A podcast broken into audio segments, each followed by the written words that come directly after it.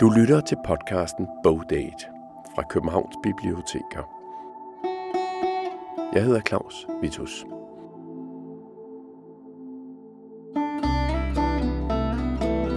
Du får i den følgende podcast fem gode anbefalinger på såkaldte bestsellere og anmelder darlings. Bøger, som ligger klar på Københavns Biblioteker. Du behøver ikke engang at reservere dem. Jeg har valgt fem danske forfattere. Marete Pryds Helle, Christian Læs, Katrin Marie Gullager, Peter Frederik Jensen og Maren Uthaug. Alle sammen har en såkaldt stjernebog liggende på udstilling på Københavns Biblioteker. Og det kræver så nok lige en forklaring, det der med stjernebøger.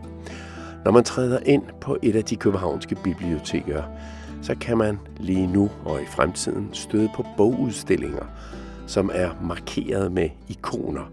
For eksempel en garnnøgle, eller en kongekrone, eller en kokkehue. Jeg vil i denne udgave af podcasten Bogdate tage en af kategorierne og give dig eksempler på de bøger, som du kan finde i den kategori. Her i efteråret 2023. Det er kategorien bestseller og anmelder darlings. En kategori, der har fået ikonet en stjerne, så det kan du se på bøgerne. Der er sådan en rund stempel med en stjerne på. Den stjerne er sat på alle de bøger, der hører under kategorien, og dem er der på det her tidspunkt, altså i september-oktober 2023, langt over 100 af, af bøger, som har stjernekategori. Men der er også nogle af dem, der er på vej ud af stjernekategorien igen. For eksempel Morten Papes og Søren Ulrik Thomsens seneste bøger. De er på vej ud igen og op på hylderne i visse tilfælde, op i alfabetisk rækkefølge og med ryggen mod publikum, ligesom bøger stod i gamle dage. Men der er altså de her bøger, som ligger på bordene, og de står jo ikke med ryggen mod publikum, de ligger med forsiden opad, så man kan blive fristet af forsiderne måske. En af dem, som ligger der lige nu, hun var på besøg på Hovedbiblioteket for et års tid siden, da bogen udkom, og her fortalte hun om bogen 11 procent. Det er, øh, det er jo et samfund, øh, der foregår i den nye tid, som jeg kalder det, øh, som er et par hundrede år fra nu, et par generationer, hvad man nu har lyst til, det må man selv om. Øhm, og det, som øh, er, er særligt ved den her tid, det er, at der ikke er nogen mænd, der går frit rundt. Der er kun kvinder. Men på det, der er sket forud, som ikke er en del af bogen, fordi det her det er på et tidspunkt, hvor det her bare er naturligt. Øhm, modsat de fleste ville måske lave øh, en historie om selve revolutionen, men det synes jeg var utrolig kedeligt. Øh, så kunne vi jo handle om mænd og jeg vil gerne have det til at handle om kvinderne. Men det, der ligesom er sket på et tidspunkt, for eksempel i vores tid, det er, øh, som forud for historien, er, at man er simpelthen blevet super træt af, at mænd ikke kan holde op med at øh, slå ihjel, voldtage, begå kriminalitet. De fylder jo det ene fængsel efter en anden, og nu øh, er det fakta, vi snakker om. 92 procent af alle mor bliver begået af mænd. Så som min, øh, en af mine karakterer siger, det er jo ikke menneskeheden, der er morderisk, det er mænd, der er morderisk. Nå, men det, det er man, man, man er ligesom opgivet på at få dem til at stoppe. Man har prøvet alt muligt blødt og nuttet og sådan noget at forstå testosteron, og så har man bare sagt, hvis vi skal optimere som art, hvis vi er mennesker, vi skal jo hele tiden blive lidt bedre. Ja, min generation skal være lidt bedre end mine forældres, min børns generation skal være lidt bedre end min. Så hvis vi skal optimere som art, så bliver vi simpelthen nødt til at udfase mænd og droppe det der med testosteron frit i samfundet. Så i stedet for at bruge dem til det, vi nu kan bruge dem til, for børn og seksuel tilfredsstillelse, men under øh, kontrol, så de ikke kan genere os og, og degenerere os som art, øhm, så, så får man dem ligesom puttet ind på sådan nogle avlcentre, slash spa. Øh, og det, det er øh, forskellige steder i landet, og det center, som øh, mine personer primært bruger, det er på Lolland. Der har man ligesom udbygget og det er super fordomsfuldt, men altså, ja, det er jo sådan noget, som jeg tænker, hvad fanden skal vi egentlig bruge Lolland til? Jo. og der er ikke nogen, nogen federe tanke bag det.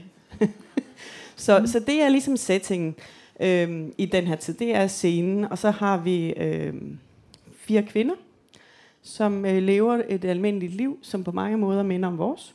Har, de er lidt ensomme, de er lidt stressede, de er Men de lever selvfølgelig i det her matrikalske samfund, som har sådan næsten de samme problemer, vi har.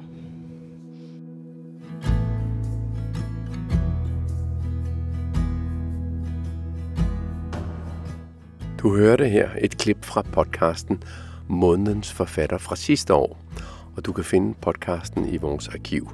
Du skal bare gå ind på vores hjemmeside bibliotek.kk.dk og så kigge under den kategori, der hedder Lyd. Der ligger alle vores podcasts.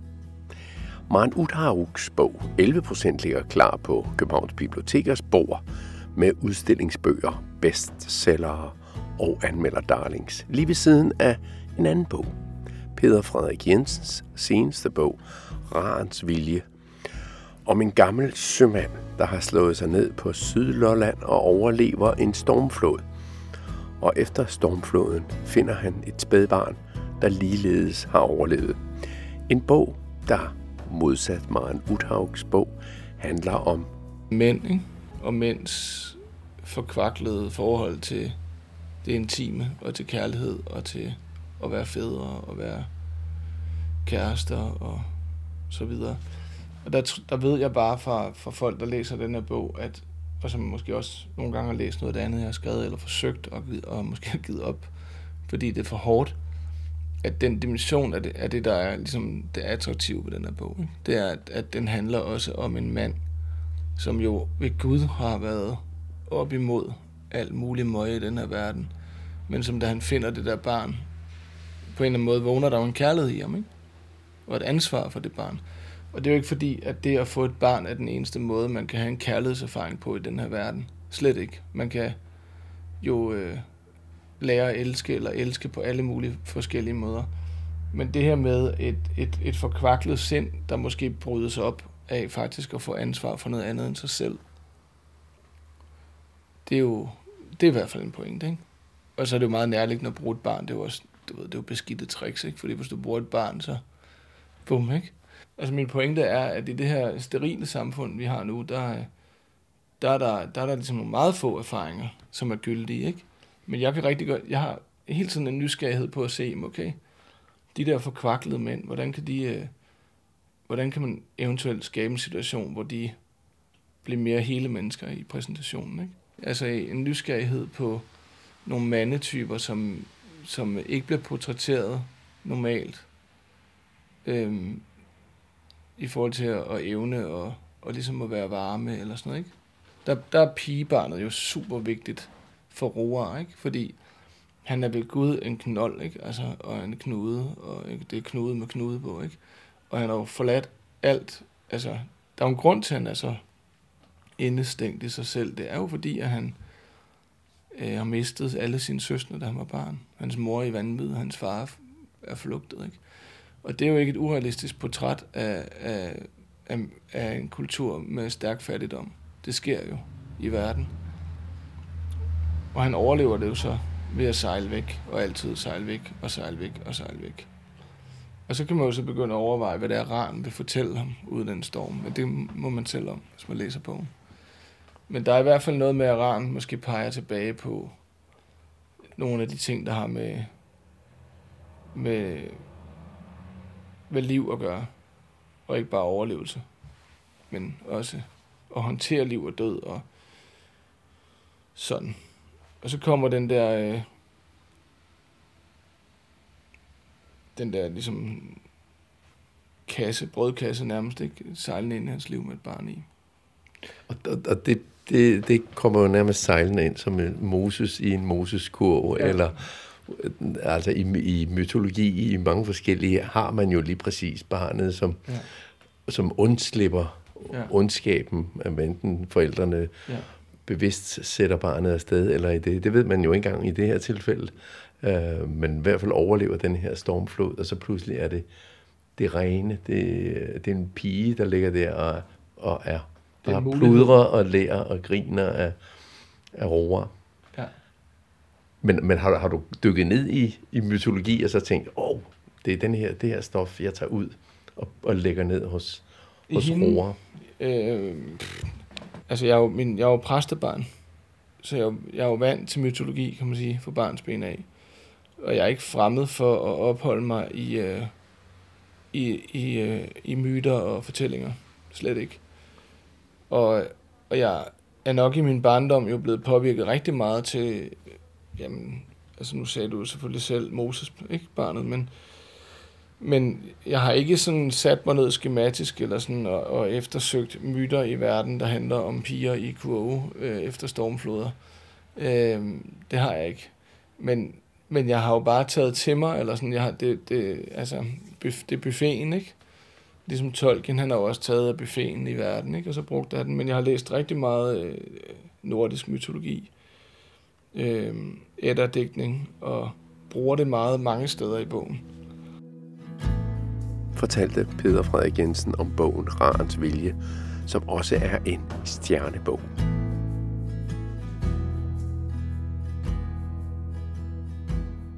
Du kan høre hele samtalen i podcasten Månedens Forfatter. Og du kan finde bogen på biblioteket på bordet med bestsellere og anmelder darlings. Ved siden af de næste bøger. Katrine Marie Gullagers, Begitte med TH og Endnu en dag i Guds skaberværk. To forskellige bøger, men der er dog noget ens ved dem. De begge to portrætter af vrede kvinder – to vrede kvinder, Begitte og Lotte, en folkeskolelærer og en socialrådgiver.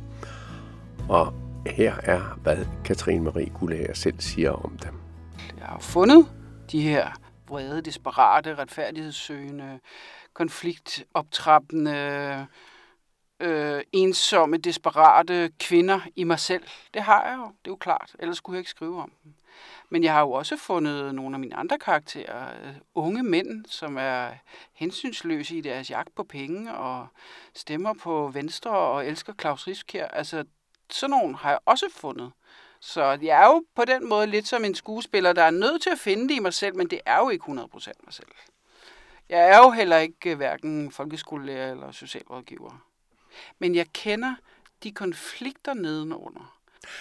Men de her to personer, Lotte og Begitte, som vi jo har snakket lidt om. Begitte fra Begitte med TH og Lotte fra Endnu en dag i Guds skaberværk.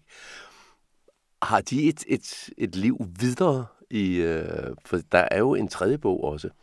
Der er en tredje bog også, ja. Som kommer. Ja, med en øh, hovedperson, der hedder Helle, som er parterapeut. Og de har jo alle sammen nogle, øh, nogle fællesnævnere. Øh, og fællesnævneren er jo det her med, at jeg godt kan lide at prøve at lave de her portrætter af nogle hele kvinder øhm, som er det hele. Både vrede og urimelige og sårbare og elskelige og alt muligt. Og, og så har de det til fælles, at de er over 50. Og det synes jeg jo også er sjovt på den måde, at det, jeg synes, at den alder giver noget frihed. Man, er ikke længere, øh, man har ikke længere nogle af alle de udfordringer, man også skal løse som, som ungt menneske, og man har heller ikke altid den samme motivation til at være lige så samarbejdsvillig, som man var, da man var ung, og, og lige så, man er ikke lige så opsat på, at andre skal kunne lide en og få et eller andet stempel på, at man er god nok. Og der kommer ligesom sådan en frihed, synes jeg, efter de 50. Og det er også det, jeg har kunne mærke i de her stemmer, at, at jeg vil gerne give dem sådan en uh, selvsamtale, hvor de får lov at, at gå planken ud og være dem, de egentlig er. Og så kan jeg jo godt altså være dem, de egentlig er. Det er jo selvfølgelig også lidt en kliché, men hvor de kan få lov at ligesom, øh, ja, udtrykke alt det, de har lyst til at udtrykke, uden at jeg som forfatter skal sidde og, og redigere i dem. Øh, så jeg må også en gang imellem stoppe mig selv, hvis jeg øh, for eksempel meget med den første vipse fra bjørnen, øh, synes hun bandede meget. Jeg tænkte, kan du da ikke øh, tale pænt for pokker? Det er jo en roman, det her, ikke? Men det øh, kunne hun altså ikke. Så jeg må også ligesom øve lidt min, øh, min rummelighed i forhold til de her stemmer. Og det, det går ud på, er jo at, øh, at forsøge at skabe nogle, nogle mennesker, der er læseren opleves som ægte. Og simpelthen at, at give en stemme liv. Øh, og det er jo altid svært at vide, hvordan, hvordan kan det egentlig overhovedet lykkes. Det forstår jeg egentlig heller ikke selv helt. Øh, men, øh, men det er jo det, jeg arbejder med. Men stadigvæk, det er også ment, at man skal grine af dem. Det er, der er noget satirisk. Det er jo ikke noget, jeg sidder og planlægger på den måde. Altså, det er ligesom en stemme, der bliver, der bliver født, og, øhm, og Lottes stemme, og Begittes også, de er jo stemmer, der er kompromilløse, og de er kantede, og de er lidt satiriske, og de er også selvironiske, og de er også sjove, og, og de er alle mulige. Øh, det skal jo også, altså hvis det skal være en interessant stemme, så skal den jo også kunne rumme mange forskellige øh, stillejer, kan man sige, ikke? Fremkalde alle mulige forskellige følelser. Men jo, de er også sjove, og de er, de er øh, føler jeg selv, lidt af det hele. Fortalte Katrine Marie Gulager om sine bøger, der ligger i kategorien bestseller og anmelder darlings. Og lurer mig om ikke også den bog, der blev omtalt, den næste bog, som hun skriver på for øjeblikket, ikke også ender i den kategori. Fra fiktionens kvinder videre til en personlig mandlig erindringsbog, som også ligger på bordet med stjerner på, nemlig ikonet for bestseller og anmelder darlings. En bog skrevet af musiker og forfatter Christian Let, søn af den kendte filmmand Jørgen Let. Bogen, som også handler om at få genskabt sine erindringer om barndommen, har titlen En vej ud af toget. Det var det bedste billede, jeg havde for at prøve at, at forklare, hvordan jeg har det med, at jeg simpelthen ikke rigtig kan huske særlig meget. Øhm, og det blev klart for mig rigtigt, da jeg øh, øh, fandt øh, min kone i dag, som kan huske alt. Øh, og da jeg så begyndte at få børn, og de også blev gamle nok til at kunne huske, og de så begyndte at kunne huske mere end mig, så, så, så øh, gik jeg rundt i flere år og havde sådan et... Øh, altså, øh, havde sådan lidt små panik over, at jeg faktisk ikke kunne huske noget. Og så talte jeg med mine brødre, de kunne heller ikke rigtig huske særlig meget fra vores barndom. Og det virker som om, det er, sådan, at det er et mønster, der er blevet ved, for jeg kan heller ikke huske så meget detaljer om, hvad der skete for 10 år siden. Øhm, så det var sådan et billede af en, af en tog på en eller anden måde. Og så havde jeg et billede af, eller en, en idé om, at jeg øh, en dag ville kunne med, med hypnoterapi eller et eller andet, ville ligesom kunne gå tilbage, og så ville det hele ligge der. Og så øh, begyndte jeg på et tidspunkt for fem år siden eller sådan noget, og begyndte at prøve at skrive ting ned, jeg kunne huske. Og på et tidspunkt, så kunne jeg se, at det, jeg skrev, øh, det ikke bare var dagbog, men at det faktisk også var tekster. Og det, det, det tog meget forskellige ting for mig. Så der begyndte jeg at se, at det faktisk også kunne blive til en tekst. Øh, det her med at prøve at vivle de her ting op. Så, så, øh, så bogen startede helt konkret som et, som et forsøg på at, at faktisk ikke at komme ud af tungen, men at få, få den til at lette. Man kan sige, jeg tror i og for sig, at alle skal have lov til at fortælle deres historie. Øhm, men når man har en relation, som er destruktiv, så bliver det en destruktiv handling. Det har jeg forsøgt ikke at gøre, kan man sige. Det er ligesom det, der har været hele tingen. Det er også derfor, det, altså, så, så, så bogen, den her bog, det skriver jeg også i den, er ikke min brødres historie. Det, det, jeg skriver også, at de sikkert husker tingene anderledes, og at de sikkert har ret. Det er ikke min mors historie, det er ikke min fars historie det er, hvordan jeg selv husker det, og hele bogen handler om, at jeg faktisk ikke helt kan huske det. Det vil sige, for mig har det været meget vigtigt at prøve at fokusere på, at jeg blev nødt til at have et rum til at kunne tale. Det, det der er sjovt, det er, de fleste forfattere, de fleste skønlitterære forfattere starter med den her bog. Med deres fortælling om, hvordan de boede et sted, og deres forældre ikke så dem, eller at de sprang ud af skabet, eller at de, du ved, deres egen coming of age historie. Og fordi deres forældre er IT-folk, eller lektorer, eller hvad som helst, så, så, så bliver fokus på, det er din historie, du er ved at fortælle. Det kunne jeg ikke. Og, det, og det, det var hele pointen var, at den historie kunne jeg ikke fortælle som, som 25-årig, fordi øh, jeg ikke var kunne gøre det ordentligt. Og, det, og jeg blev nødt til at tage de hensyn, og fordi jeg var meget, meget klar over, hvad det var for nogle konsekvenser, det havde at skrive sådan en fortælling. Christian Let om sin bog En vej ud af togen, og du kan høre hele samtalen i podcasten Månedens Forfatter. Jeg lægger et link i denne her podcast, i teksten til denne her podcast. Sidste anbefaling i denne omgang er endnu en bog, der tager udgangspunkt i forfatterens eget liv. Det er Marete Pryds Helles bog, Det vågne hjerte. Hun bruger oplevelser fra sit eget liv, fra det, som hun siger er den brønd af oplevelser, hun havde i København i 1980'erne. Men det ender altså Alt sammen som fiktion i bogen Det vågne hjerte. Det er ligesom, jeg har sådan en stor mængde stof, sådan en brønd fuld af vand, jeg kan trække op, men, men trækspillet af fortællingen. Og det vil sige, at, at øh, øh, for eksempel starter det vågne hjerte med en scene, hvor Lis går gennem Uderslev Mose, og der er en mand, der forsøger at, eller der overfalder hende. Og forsøger at voldtage øh, Og forsøger at voldtage hende, og hun slipper væk. Og, og det er sket utrolig lige det for mig, men det var i Fælledparken. Så man siger, jeg er ligeglad med det Fælledparken, fordi i historien, der skal det være i Uderslev Mose, fordi det er der, Lis hører til, eller hendes forældre bor. Og, altså, øh, og, og der er jo også nogle andre ting i det. Øh, I virkelighedens verden havde denne her mand meget grønne øjne, men det havde min eksmand. Og det ville jeg simpelthen synes var for, altså det ville virke som om, det handlede om ham, og det havde intet med ham at gøre, så han får en anden øjenfarve.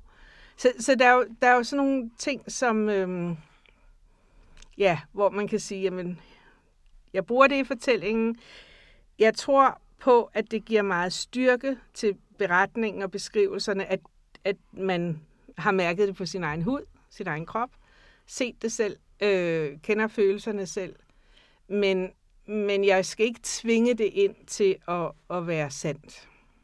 Men, men den oplevelse, den voldsomme oplevelse af, af et voldtægtsforsøg i fælleden, fælledparken, har, altså, har, har du gået med den længe, hvor du har tænkt, jamen, jeg skal på en eller anden måde også litterært bearbejde den? Ja, altså min... Jeg, jamen, jeg, jeg, jeg tror ikke, jeg tænker det sådan. Altså, det er ikke så planlagt på den måde. Man kan sige, det er noget, jeg har gået med i alle årene. Jeg hader stadig at køre forbi det sted, og min datter gik i skole lige ved siden af, og jeg skulle tit forbi, og det, altså jeg kan mærke det hver gang. Og jeg har jo tit tænkt over, hvor er det vildt, jeg har det sådan. Der skete jo faktisk ikke noget, men der kunne være sket noget. Og at det sidder i kroppen på den måde, så mange, mange år efter. Har, har du nogle overvejelser? Nu snakker du om konkrete ting, men som man dog alligevel kan genkende, selvom de er 40, små 40 år senere. Ja. Men på en anden måde er, er det vågne hjerte også meget konkret. Det vil sige, øh, at jeg, jeg bliver ført igennem forskellige steder i København, som er helt konkret ned i Sjællandsgades øh, badeanstalt, eller ned ad Fjolstræde, eller forbi Kompanistræde. På det tidspunkt er der busser. Ja. Det ved enhver københavner nu. Det er der ikke mere. Det, nu hedder det ikke Kompanistræde, og så videre. Øh, den er meget stedspecifik. Øh, hvorfor egentlig det? Men jeg tror, øh, det sjove er jo, at jeg, nu er jeg selv flyttet fra København, og nogle gange, når man flytter fra et sted, så bliver det enormt levende inde i en. Øhm, og så har jeg også, det har altid irriteret mig, at København i litteraturen så ofte bliver beskrevet gennem værtshus. Altså det er ligesom der, som om, at det er det, der er København, og det er ikke mit København. Jeg vil hellere gå i magasin, end jeg vil gå på værtshus. Og magasin betyder en, en del her, både gramofonafdelingen og, Ja. og øh, kvinde, og hvad hedder det? Hvad hedder sådan en Ja, kvinde? da- øh, dametøjsafdelingen. Dametøjsafdeling Ja, ja. og jeg tror bare, at der faktisk er mange flere mennesker, der går i magasin, end der går på værtshus. Øh, men selvfølgelig ikke kun magasin, og som du nævner, badeanstalten i Sjællandsgade, øh, som jo, altså der kom jo virkelig mange mennesker, og der, her hvor de ville lukke den, var der jo rammeskrig, fordi det er faktisk på en eller anden måde har været kulturbærende, øh, som noget, man, man gjorde et sted, man gik hen, og hvor t- jeg husker det som sådan et vidunderligt trygt sted. Altså, øh, det var rigtig rart at komme, og alt det der vand, og de få gange, man havde råd til at købe et karpad. det var ikke så tit, jeg havde råd til det. Og bag- baggrunden for, for, for badeanstalten er jo, at, at man ikke havde bad derhjemme i, Ja. ja. hele, i det boligkvarter, som er Ja. ja. en indre Nørrebro. Øh, Ja. Altså hele Sjællandsgadekvarteret var uden, uden, Uden bad. bad, ja. Øh, og helt i starten heller ikke rindende vand, for Nej. sin sags skyld. Så det er jo derfor, at både den eller Christianshavns badeanstalt, som der også eksisterede, der er mange Ja. badeanstalter rundt omkring, som ikke findes mere. Men den Sjællandsgade har holdt, holdt ved i mange år. Ja, ja og, og, og det betyder noget. Altså, det betyder noget. Og man kan sige, jeg tror også nogle gange, nu har jeg selv voksne børn, som er flyttet hjemmefra til lejligheder med varme og bad og induktionskomfur, og man tænker, I ved slet ikke, I ved slet ikke, hvad virkeligheden er med vores petroleumsovne og små gasplus, der var helt elendige, og iskolde lejligheder og alt det, man sådan boede i dengang i 80'erne. Ikke? Altså, så, så, og, jeg synes, og jeg synes også, altså min, når jeg ligesom hører på dem, så er det som om, de forstår slet ikke deres privilegier. privilegier. Altså, hvor langt det har flyttet os. Jeg føler mig som sådan Monty Python karakter, når jeg sidder og siger, ah, da jeg var ung, der havde vi kun koldt vand, og øh, det blæste ind, og det snede ind, og sådan noget. Men det var jo sådan, det var.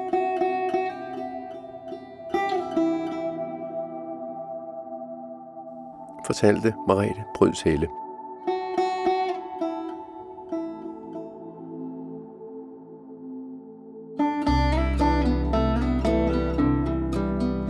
Fra dametøjsafdelingen i Magasin Badeanstalter og mange andre 1980'er scener fra København er det slut med mine fem anbefalinger af bøger i denne podcast Bodate.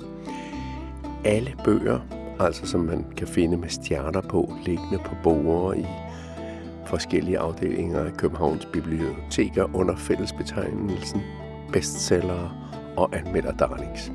Jeg laver en litteraturliste, men også en lydliste til denne podcast, hvor du kan finde alt det, som jeg har omtalt, og finde også de interviews, som du har hørt klip fra. Held og lykke i din jagt på god litteratur og på genhør i den næste udgave af Bogdate eller en af vores andre podcasts. Jeg hedder Claus Vitus.